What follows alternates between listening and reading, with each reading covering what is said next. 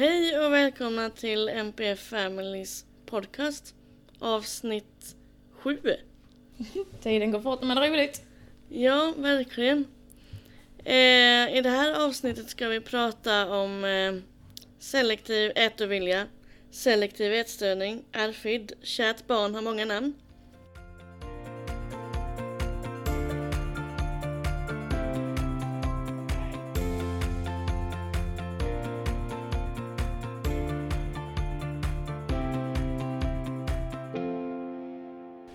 Ämne som definitivt börs pratat om framför allt inom förskolan och skolan. Eller vad säger du? Ja, jag håller med. Det är ett ämne som eh, minimeras, det pratas inte om och eh, det tas inte på allvar. Nej, verkligen inte. Har eh, Andrea fått den diagnosen eller är hon bara selektiv i maten?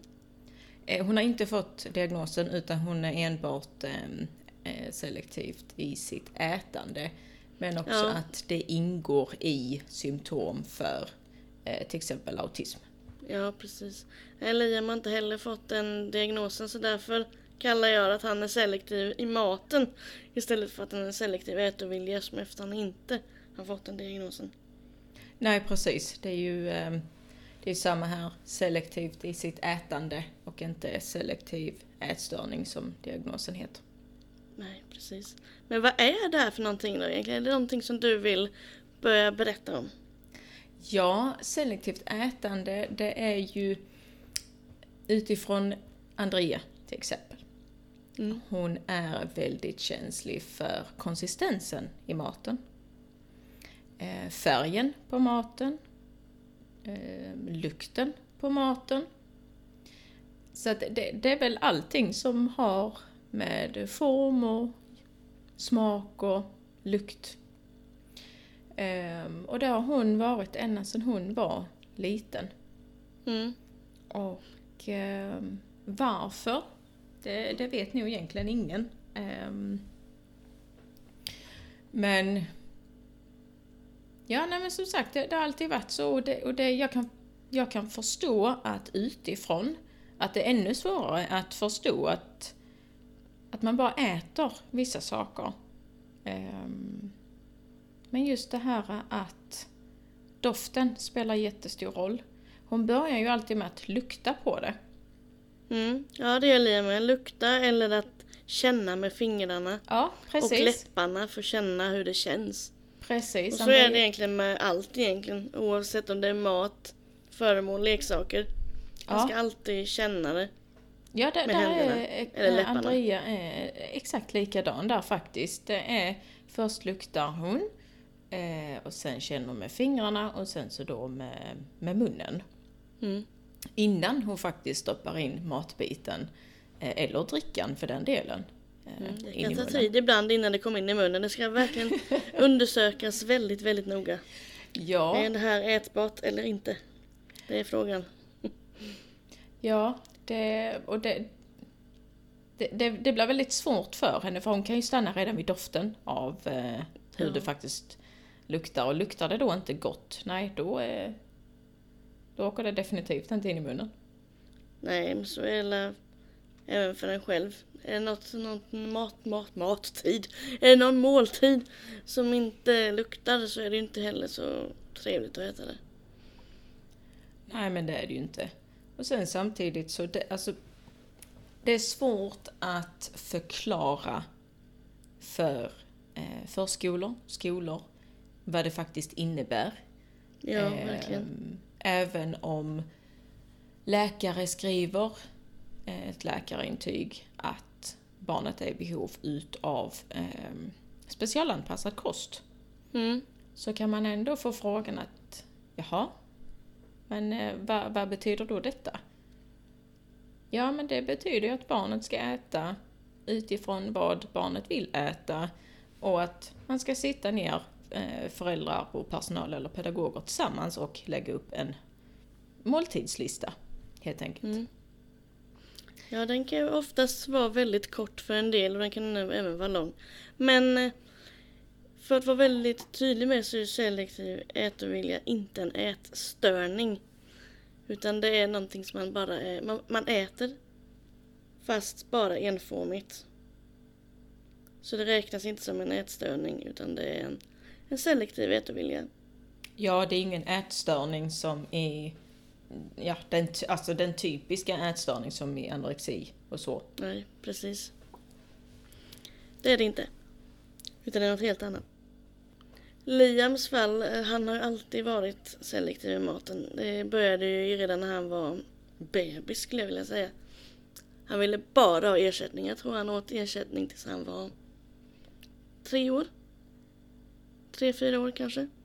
Det är länge. Fast, fast då på natten då alltså. Mm. Eh, till kvällen. Eh, och väldigt svårt att släppa nappflaskan. Men har han Eh, nappflaska nu? Nej, det har han inte. Alltså det är så roligt för eh, han har aldrig velat ha napp. Han har Inte? typ spottat ut den och typ kv- eh, kvövs, kvövs, på kvällningar av den. Eh, men en nappflaska hade han som napp. Han gick runt med den här stora i munnen i flera år. Nu gör han inte det längre. Men han har gjort det, han gjorde det i flera år. Han kunde springa med den, såg ut som en hund som eh, lekte när han sprang. För den eh, var i munnen och dinglade så. Alltså, det var ju jag känner igen det fan. det är första tecknet. Alltså Andrea gjorde ju exakt likadant. Under flera, flera år. Satte Ja. flaskan i munnen och den liksom, den verkligen dinglade och hon tyckte det var så roligt när den hängde och dinglade. Det var ingenting Ja. som störde henne liksom. Nej, nej men jag har aldrig sett någon göra på något liknande. Men det var ju kul att Andrea gör samma sak. ja. Ja, ja, hon fick upp så många, jättemånga minnen när hon så springer runt. Ja, jag med. Kommer ihåg på Boss djurpark då han eh, hade den i munnen. Och den bara dinglade fram och tillbaka när han sprang där. Ja, nej, det är underbart. Nej, Andrea hon hade välling väldigt, väldigt länge. Mm. Eh, det hade hon och hade väldigt svårt att släppa själva vällingen. Eh, men såklart BVC. Eh, rätt så komiskt att de började påpeka då övervikt. Eh, och att det var nog Ja, dags det är att så typiskt att det ska göra det alltså. Ja men precis, var då tvungen att släppa vällingen lite så. Men, men ändå försökte trappa ner på det. Eh, men hon har ju fortfarande både flaska och napp och allt det här. Eh, men nu dricker hon mjölk. Mm. Eh, som hon har på... För där, där valde hon lite själv att släppa då vällingen men hon ville ändå ha någonting på kvällen. Och med tanke på att hon är så pass smal och väger lite som hon gör så mm, i samband med hennes sjuksköterska på barnhabiliteringen att hon då ska ha mjölk, 3% i mjölk. Mm. Så han drack det till kvällen då, eller till natten. Ja precis. Mm. Det är ju inget fel i det. Huvudsaken är att man får i sig någonting. Ja, det, det är ju lite svårt alltså just då för jag tror att vällingen gjorde henne gott. Eh, Mm. Det tror jag. Eh, mjölken ger ju inte samma eh, effekt som kanske välling gör. Men att vi någonstans kom fram till att mjölk, det är som du sa, mjölk är ju bättre än ingenting. Mm. Absolut. Jag vet att det ofta, eller det är inte ofta, men ibland så är även bröstmjölk svårt för det selektiva barn att få i sig. Och att det blir ersättning på en gång. Var det så för dig också? Ja, eh, jag tror jag ammade med båda barnen tror jag egentligen. Jag ammade en månad, tror jag. Mm. En och en halv med Andrea kanske. Ja. Ja, det var Nej, något sånt. Försökte inte ens på den punkten faktiskt. Eftersom han opererades och allt möjligt där så det blev fokus på annat. Men jag vet bara att det är vanligt att eh, man eh, inte gillar att ha bröstet när man har selektiv ätovilja. Mm. Nej, men det, det är ju klart med, med operation och sånt. Det är ju helt Mm. förståeligt. Precis. Men, Men- vad var det? Eh, äter Andrea periodvis samma mat? Eller är det att hon varierar med olika maträtter? Mm, ja, alltså... Det är väl både och. Eh, Nutella går ju alltid hem till exempel. Det, det är ju något hon aldrig, aldrig har släppt. En trygghet. Eh, ja, precis. Nutella-burken En som god hon, trygghet. som hon själv kan Eh, som hon faktiskt börjar klättra och så ska hon hämta Nutellabaken. Nej, men eh, ja, olika som korv, eh, det kommer och går emellanåt. Eh, köttbullar kommer och går emellanåt. Men någonting hon, som hon aldrig släpper, det är faktiskt spaghetti och köttfärssås.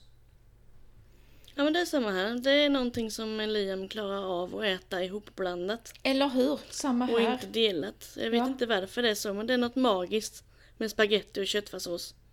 Jag, liksom- har, jag har med funderat på det, alltså vad, vad det är som gör att just den biten är så lätt att äta så himla blandat. gott. Ja, ja, jag älskar spagetti och köttfärssås, det är det bästa som finns. Men just det här att det går jättebra att blanda, för annars är Andreasson, nej, ingen sås. Då kan hon äta ris och kyckling utan någonting.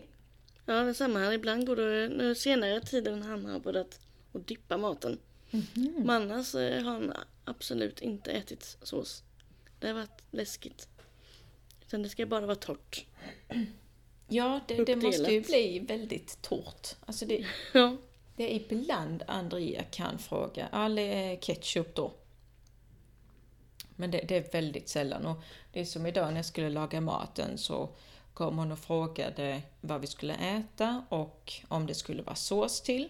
Och då berättade jag för henne att ja men kycklingen ligger i såsen redan. Ja men det, det gick ju bra, men vilken färg var det på såsen? Det var väldigt viktigt vilken färg det var Mm. och jag sa att nej men det, det blir ju alltså en stuvning så att det blir en, en vit sås då. Ja, så hon tittar väldigt länge på kastrullerna och sånt men eh, hon åt och så så att hon behöver också veta vad vi ska äta och hur det ser ut, om det är sås i Mm. maten eller om det är man kan välja till sås. ja men det är klart man vill veta hur det ska vara. Ja, så just det här så, så roligt så vill jag ju inte att hon ska stå för nära spisen heller. Liksom, håll dig lite på avstånd, men då kommer hon där med näsan och ska, ska lukta. Mm. Jag bara, gå väck med näsan, du kan inte stå här. Men jo, hon måste lukta på maten och se till att ja, men det luktar gott liksom. Mm. Precis. Eh, men det är något som alltid går hem här just nu det är nuggets. Nuggets och eh, ostsnitzel har alltid gått hem här. Äh, nuggets funkar inte här. Pommes däremot. Ja, det är gott med tydligen. Ja, men eh, nuggets, nej. Det, ja, hon kan ta ett bett så, men eh, nej. Och det, det som är så roligt till exempel om, om vi är på McDonalds, när vi tar driven eller något sånt. Då ska hon beställa en Happy Meal. Men hon äter bara pommesen. Hon vill inte ha nuggetsen. Så jag bara, men då kan jag ju bara beställa alltså pommes. Nej, då, då blir hon ju helt till sig liksom att det, det, det får du inte utan det ska vara samma rutin precis som vanligt. Nej, precis. Det ska vara som det alltid har varit. Ja, Ta inte bort något. Ja, nej, det, de är charmiga på sitt sätt. Det är det verkligen.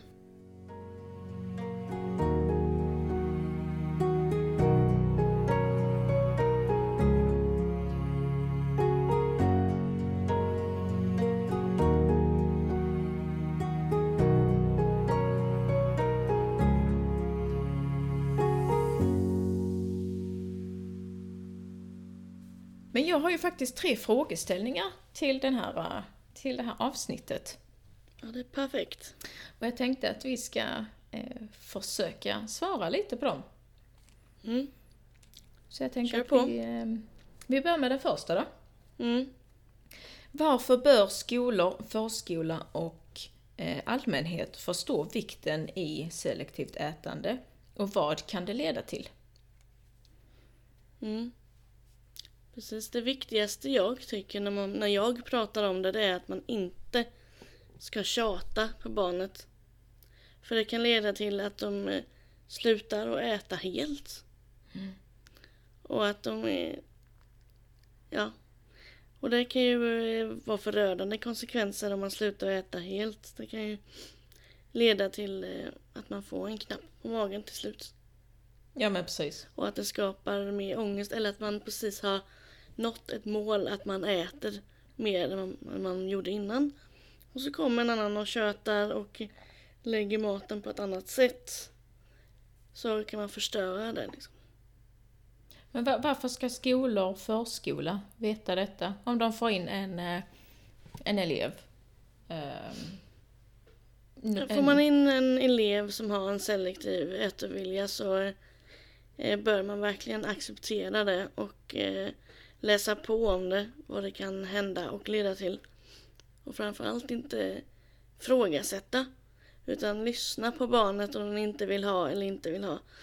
Och ge den maten de vill ha. Alltså experimentera inte, särskilt inte i förskolan eller i skolan. Och då är det viktigt att de äter det de vill ha. Försöker man experimentera med något och ge något annorlunda någon gång så kan det ju sluta med att de slutar äta helt. Kan det vara så att barnet känner trygghet i just ja, den maträtten? Ja, det också. Mm. Men varför, varför, är det så? Varför är det så svårt? Nu, nu pratar jag om normalfungerande skolor och eh, normalfungerande förskolor. Nu ska man inte prata om vad som är normalt och inte normalt, men för att konkret i normalfungerande skolor och förskolor, varför är det så svårt att få verksamheterna till att förstå hur viktigt det är att anpassa måltider efter barnen? Ja, jag kan tänka mig att det handlar om att man inte ska exkludera någon, att alla ska äta samma. Och att eh, det handlar om rutiner och okunskap framförallt. Att eh, de tror att barnet är kräset. Jag tror att man många gånger inte ser skillnad på vad ett kräset barn äter och vad ett selektivt barn äter. Om man sätter två barn i ett rum, en med ett barn som är kräset och ett barn som är selektiv i maten och är samma maträtt som de inte tycker om, någon av dem. Men eh, till slut så kommer ju det barnet som är kräset att äta maten medan eh, det selektiva barnet inte kommer att äta. För att de inte vill ha den maten. För att den inte är just den maten eller den ligger på ett visst sätt eller ser ut på ett visst sätt eller inte gillar konsistens, konsistensen och liknande. Det är ett väldigt bra exempel. Det, det blir mm. väldigt konkret. Det är riktigt svart på vitt hur det mm. faktiskt funkar med selektivt ätande och ett kräset barn. Mm. Ehm, och sen, sen, jag kan tycka att utifrån eh, lagstadgat så ska ju både förskola och skola ska ju lyssna på vad föräldrarna säger. Mm. Och ut, alltså, alltid utgå ifrån barnets bästa. Men, ja, verkligen. Hur är det då? Och varför är det så svårt att få igenom en eh, specialanpassad kost? Om man nu lagstadgat ska utgå ifrån barnets bästa? Ja, det är väl samma fråga egentligen som man riktar till eh, att man inte får den hjälpen man behöver i skolan. Precis. Att man måste ha en diagnos på papper. Att man måste, ja att det inte får den hjälpen den behöver för att det inte finns ekonomi eller kunskap. Det är nog samma fråga egentligen till eh, varför man inte... Ja, för det är svårt att ge specialanpassad kost till ett barn med selektiv ätstörning. Ja, sen kan jag tycka att kommer man då med ett läkarintyg eh, så ska det ju vara alltså, eh, ett starkt argument för varför barnet ska få specialanpassad kost. Mm. För då är det en läkare som har bedömt att barnet är i väldigt stort behov utav specialanpassad kost. Det, mm. det är ju inget hittepå precis. Nej, precis. Eh, jag var elevassistent en gång till ett barn med selektiv vetevilja. Eh, vi satt i ett eget rum och åt. Och eh, åt inte, han åt inte om han fick eh, potatis, brunsås och köttbullar. Eller bara potatis och brunsås. Och vi satt i ett eget rum med paddan. Det var det enda som fungerade för att han skulle äta. Och där, där var det verkligen anpassat. Och det är jag väldigt tacksam över. Att man får det igenom. Men det ska ta flera år innan det händer något. För den här personen hade ju även knapp på magen. För att det hade gått så långt. Ja, det är sorgligt. Mm. Det, då ser man ju, alltså det återigen, alltid utgå ifrån barnets bästa. Men tyvärr mm. i många moment så görs inte det. Nej, precis.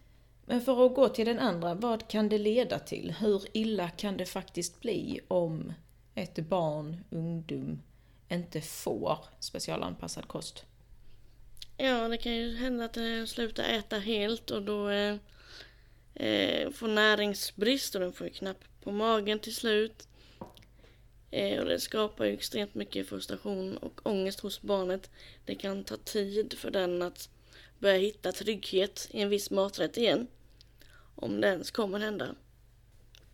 Så det kan leda till väldigt allvarliga konsekvenser för Ja, barnet absolut.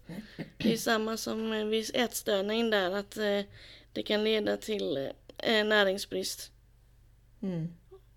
Därigenom, även om det inte är samma utsträckning så är, är det ändå allvarligt ändå. Ja, med tanke på ända sen, ända sen vi började gå på barnhabiliteringen och eh, jag förklarade hur Andrea äter och vad hon inte äter och allt det här. Alltså, så har hon ju alltid haft en sjuksköterska eh, Mm. som hon har träffat och vi har ju haft väldigt mycket så invägning och, mm, och allt. Kontro- alltså mycket kontroller och sånt var andra var tredje månad. För att de ska hålla koll på vikten och längden och, och så. Ehm, och nu sista så var det mycket om dietist skulle bli inblandat. För nu har hon gått ner i vikt och det är inte bara vikten som går ner, det är BMI. Alltså det, det är rätt så mycket som händer. Och, och att då sitta och, och prata om att eh, selektivt ätande inte är allvarligt. Eh, jo, det är det för att våra barn alltså, kämpar ju med att äta det de tycker om. Mm. Eh, och att då barn som min dotter behöver gå till barnhabiliteringen var andra var tredje månad för att professionella inom sjukvården vill ha koll på vikten. Mm. Eh, för att hon har selektivt ätande. Och för mig som förälder,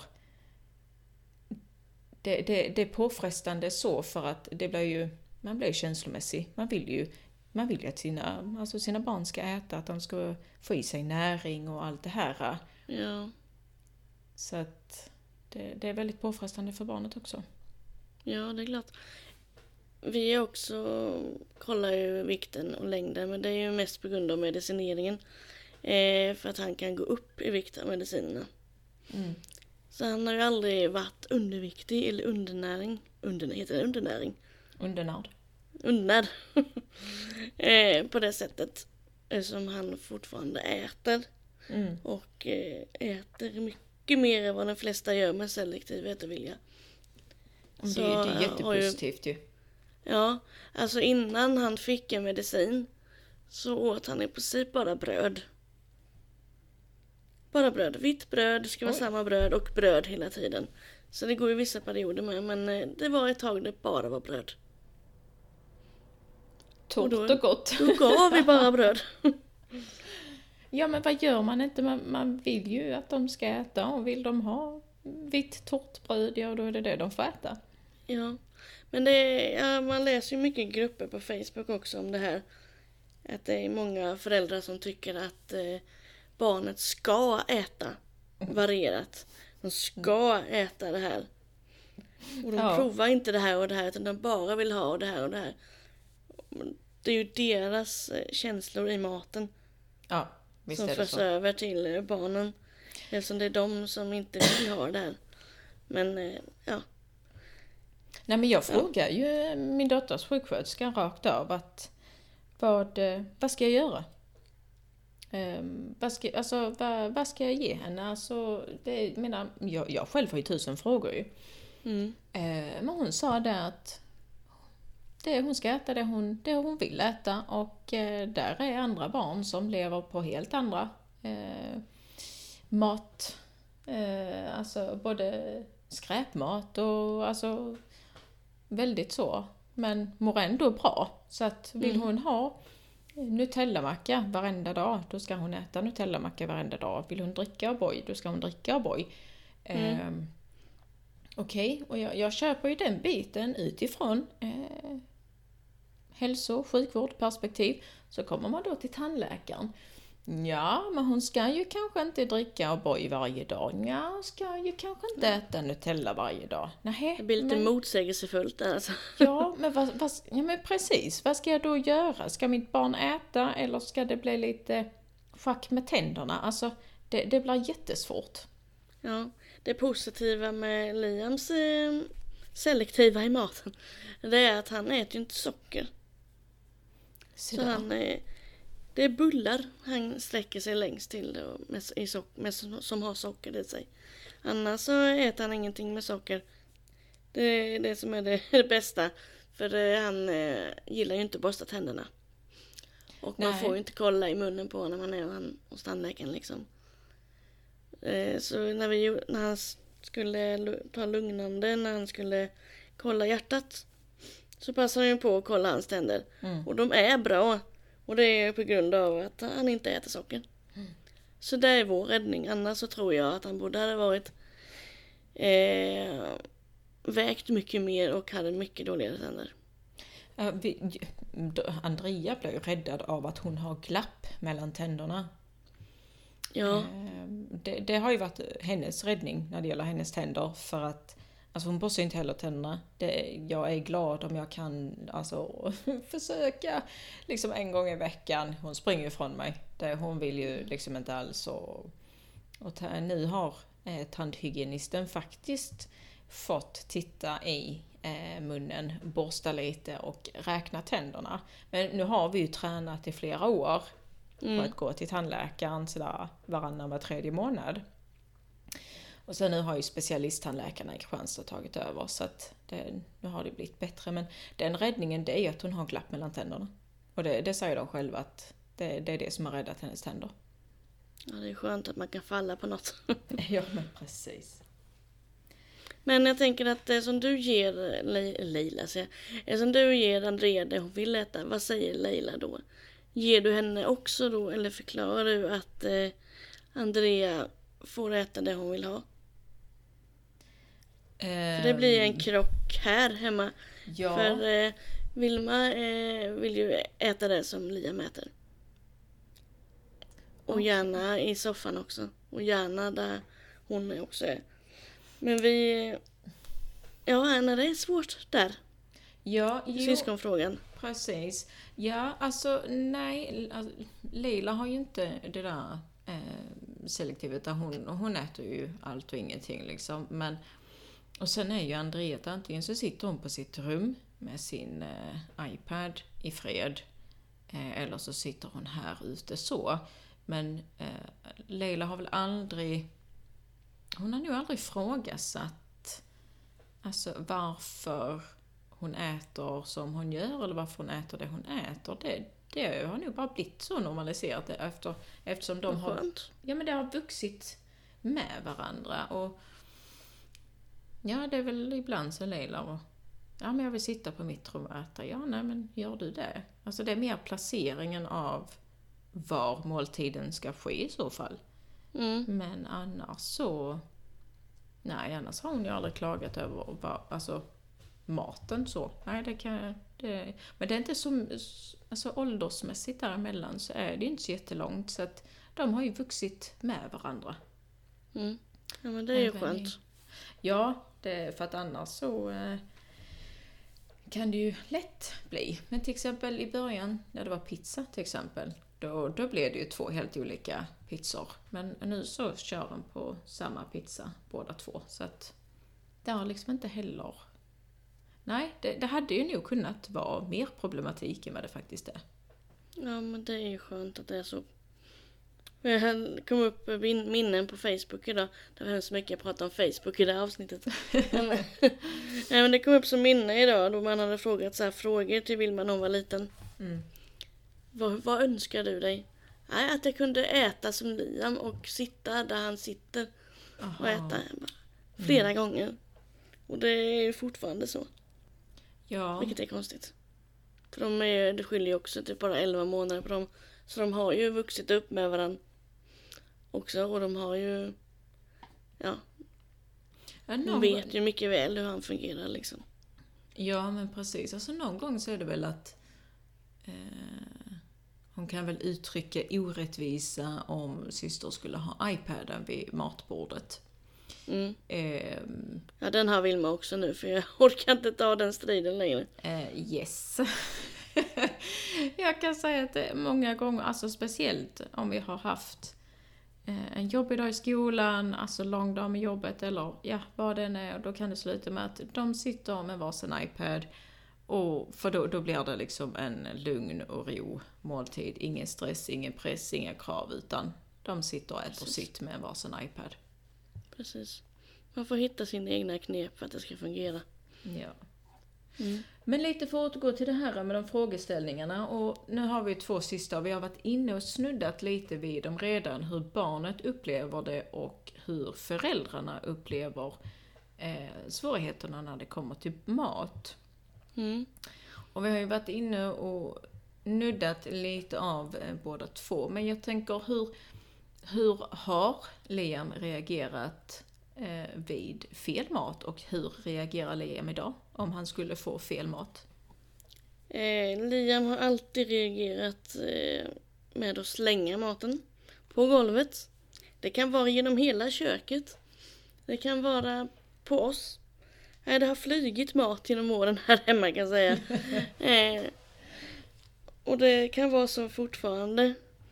Eh, fast idag kastar han nog inte maten lika mycket som han gjorde förut. Utan nu tittar han på maten och går därifrån. I princip. Och lämnar det han äter. Så det, det har blivit mycket bättre. Men det har ju varit extremt mycket mat har vi fått slänga. På Ja. grund av att eh, han har slängt den överallt liksom. Och det är liksom inte bara köket. Han kan ta med sig maten och lägga det på hans rum. Mm. Och eh, gömma maten där. Det, Ja, vad jag känner igen det.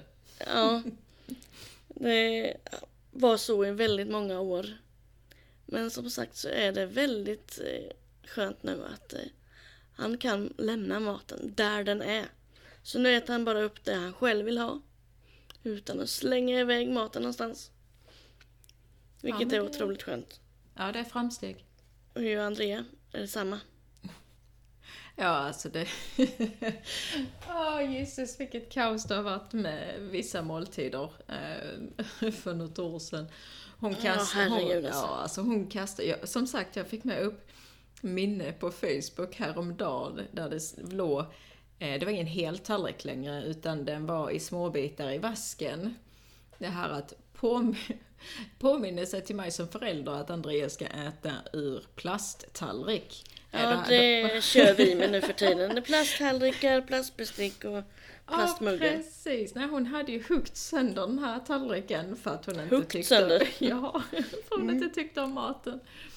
Nej, här hemma har det därmed flygit mat eh, överallt i hela köket. Hon gömmer mat, eh, hon har kastat bestick. Eh, så att saker och ting har flygit tvärs över hela köket och började också med eh, plastbestick, plasttallrik, plastmugg redan för många år sedan för att hon träffade ju syster mitt i ansiktet med en gaffel. Då. Ja. Ja, eh, så att eh, det har varit fruktansvärda måltidskaos. Och det har ju varit för att hon inte har velat ha maten och eftersom Andrea då inte var, hade verbalt språk så var hon väldigt eh, utåtagerande för hon blev så frustrerad att hon inte kunde förklara vad det var hon ville ha sagt utan då blev det bara ett vredesutbrott direkt. Mm. Sen idag så är det lite mer att ja, men hon säger rakt ut att eh, hon vill inte ha eller så puttar hon ifrån sig tallriken. Eh, det är till och med att hon kan ta maten och lägga över det på min tallrik. Mm, men det är bra. Tycker hon att jag ska Bättre äta det än att istället. kasta den. Alla sätt är bra, bara de inte kastar eh, tallrikar och kastar mat så är jag nöjd. Mm. Men jag måste lägga till ett ehm, citat, nej men citat och citat, lite där man ska ta och tänka på. Mm. Och det gäller ju även både skola, förskola, men också andra personer som har selektiva barn, selektivt ätande barn i sin närhet. Mm. Och det är det här att undvik tvång som att alla måste smaka på allt och att man måste äta upp allt man har på sin tallrik. Ja, alltså det är verkligen någonting som man måste ta bort bara. Ja, Jag blir lite allergisk. Ja, ja men oavsett om det är med selektiv ätovilja eller barn generellt som Mm. inte har diagnosen. För jag, jag har bara dåliga minnen av det alltså. Ja, när man ja. tänker på sig själv när man var liten. Ät upp maten, smaka på allt. Alltså man, eh, Mm. man fick ju kvällningar till slut. Alltså det, nej. Jo men si- sitt kvar på din plats till du har ätit Mm. upp. En timme senare så hade man tagit ett bett liksom. Mm, jättebra. Så man, man behöver verkligen utgå ifrån barnet. Låt den äta vad den vill. Så blir allt mindre problematiskt kring mat. Ja men det, jag håller med dig. Alltså det är både utifrån hälso och sjukvårdsperspektiv och eh, stressen, kraven, pressen på barnet. Men eh, när ni åker bort, har ni någon speciell mattrygghet som ni tar med er då? Eh, ja, alltså åker vi bort och jag, jag inte vet vad som ska serveras eller om Andrea eh, inte kanske kommer tycka om den, då har jag med mig spagetti och köttfärssås. Vad bra. Här är det riskakor som är Ja, räddaren i nöden i allt. härligt. Är det oroligheter då tar man fram riskakor. Eh, och en iPad. Eh, är det ingen bra mat som han gillar, då är det riskakor. Alltså riskakor har alltid varit topp ett här. Och även när man åker bil. Det, hela bilen ser ut som en stor riskaka till slut. Men eh, det hjälper ju mycket och den kanske inte värsta näringen i sig men det är ändå mat. Det är någonting att tugga på. Det är rätt så märkligt för Andrea hon började med riskakor för en månad sedan och vi köpte faktiskt nya riskakor idag. Eh, med glädje gick hon och berättade för personalen på ICA att hon hade köpt riskakor men det viktigaste var att det var ingen smak på dem.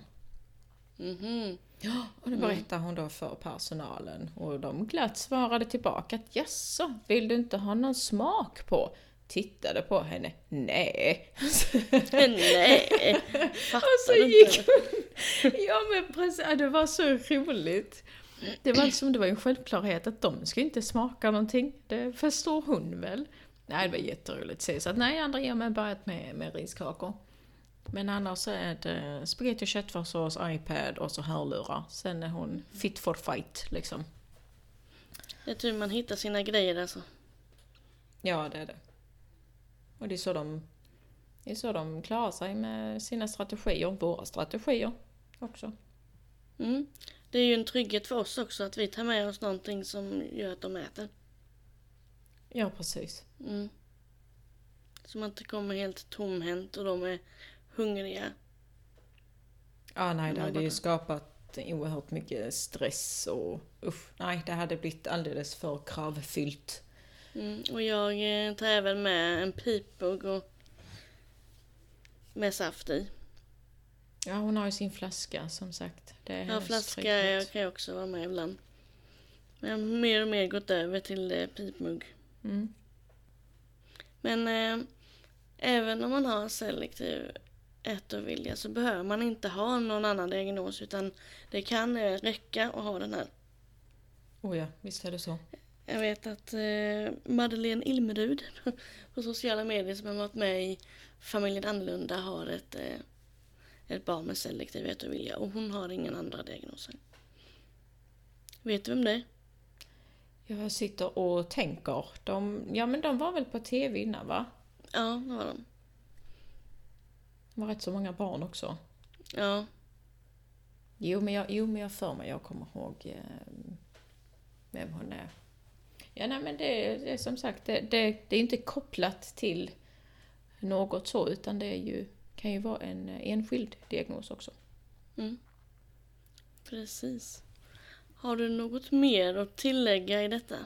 Nej, det var de tre frågeställningarna som, eh, som jag tyckte var lämpligt att ta upp i alla fall. Har du något mer?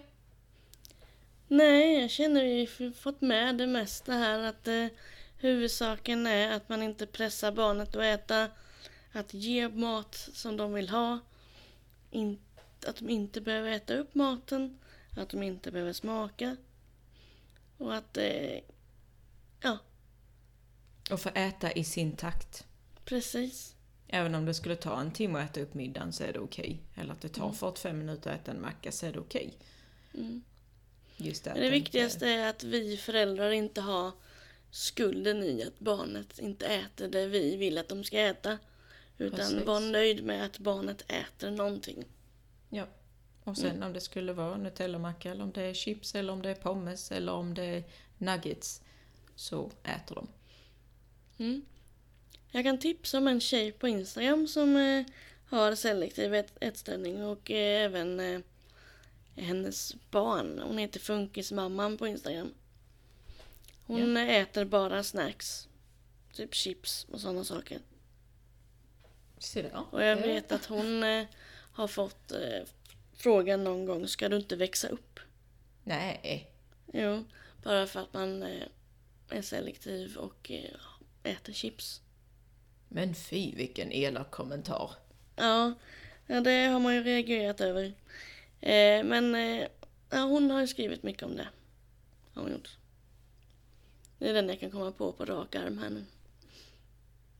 Usch ja, vilka kommentarer alltså, människor kan eh, bara kläcka ur sig utan att faktiskt tänka. Men där är det också okunskap eh, Ja, som gör allt handlar om det. Ja. När, när det gäller hela den här eh, individa gruppen eh, så handlar allting om okunskap. Ja, men det gör det ju. Men eh, om vi ska ta och avsluta här så eh, kommer vi i det här avsnittet och alla andra avsnitt framöver länka våra sociala medier. Eh, en direktlänk till att man kan bli medlem på MPF Family. Eh, och våra TikToks-kanaler. Så ni kan eh, ta, ta del mer av oss helt enkelt. Om, eller så tröttnar ni på oss och bara vill ha podden. Men om ni vill ha mer av oss så finns vi på TikTok. Och eh, ja, om ni vill bli medlem i MPF Family så finns det en länk i beskrivningen. Och vi kommer också länka eh, något nytt. Det är ett, eh, ja vad ska man säga, ett formulär med lite frågor när det gäller om eh, sin funktionsnedsättning, hjälpmedel. Eh, för det har kommit upp väldigt mycket, i alla fall på mina sociala medier, att det brister eh, från kommun till kommun, barnhabiliteringen och BUP.